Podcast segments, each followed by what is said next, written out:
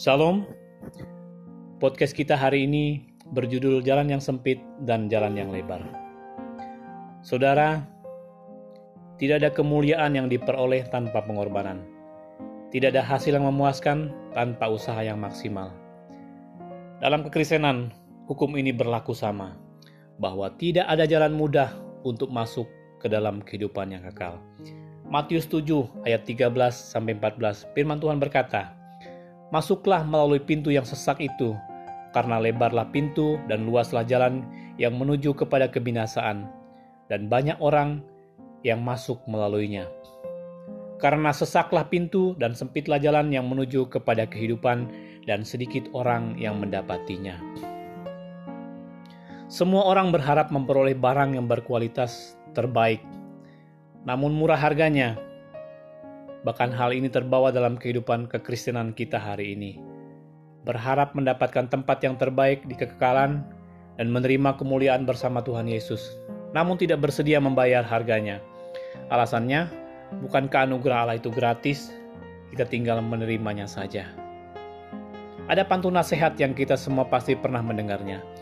Berakit-rakit ke hulu, berenang-renang ke tepian, bersakit-sakit dahulu, bersenang-senang kemudian. Tetapi kenyataannya hampir semua orang berharap tanpa bersakit-sakit kita langsung dapat bersenang-senang. Manusia semakin tidak peduli dengan proses. Yang terpenting sekarang adalah hasil dan hasil. Firman Tuhan jelas berkata bahwa sempitlah jalan menuju kehidupan dan sebaliknya lebarlah jalan menuju kebinasaan. Artinya, kalau hendak memilih kehidupan, mestilah sempit jalan yang harus engkau tempuh maka sedikit orang yang mendapatkannya. Saudara, kita lebih memilih yang mudah sehingga ada kalimat begini, kalau ada yang gampang kenapa milih yang susah?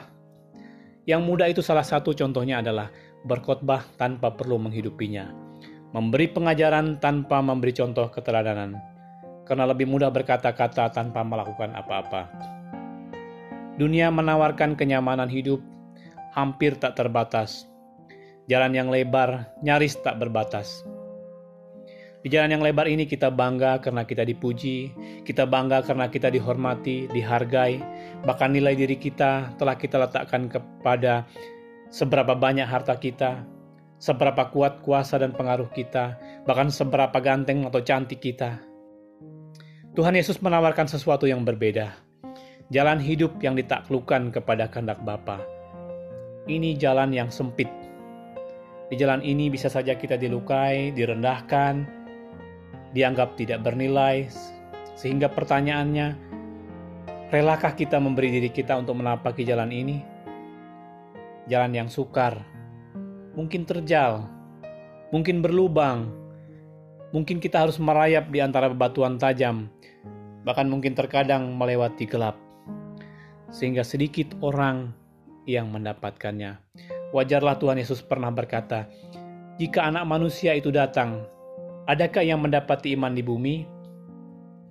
Saudara, jalan sempit itu adalah kerelaan menderita demi melakukan kehendak Bapa. Jalan sempit adalah memberi dirimu untuk kebahagiaan orang lain. Jalan yang sesak adalah jalan yang membuat hidupmu yang dikorbankan. Rela membagi hidup dengan sesama, menjadi roti yang terpecah dan anggur yang tercurah.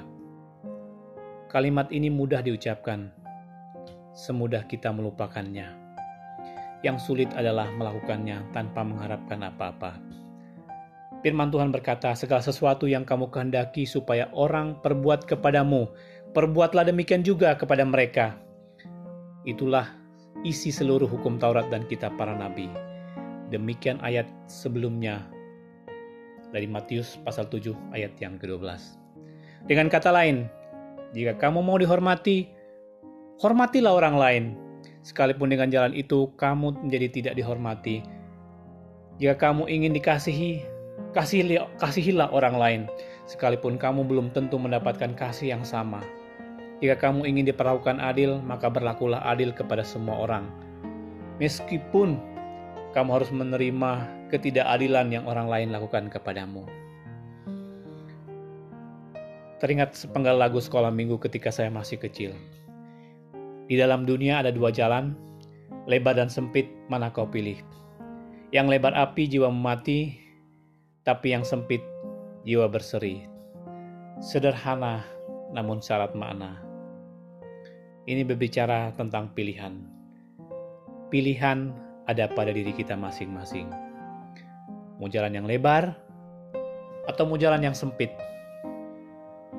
Kalau memilih jalan yang sempit, berarti memilih untuk mati terhadap dunia dan segala kenikmatannya. Tetapi ingat, kelak hidup kita akan masuk ke dalam kekekalan dan menikmati segala kemuliaannya. Tuhan Yesus memberkati. Amin.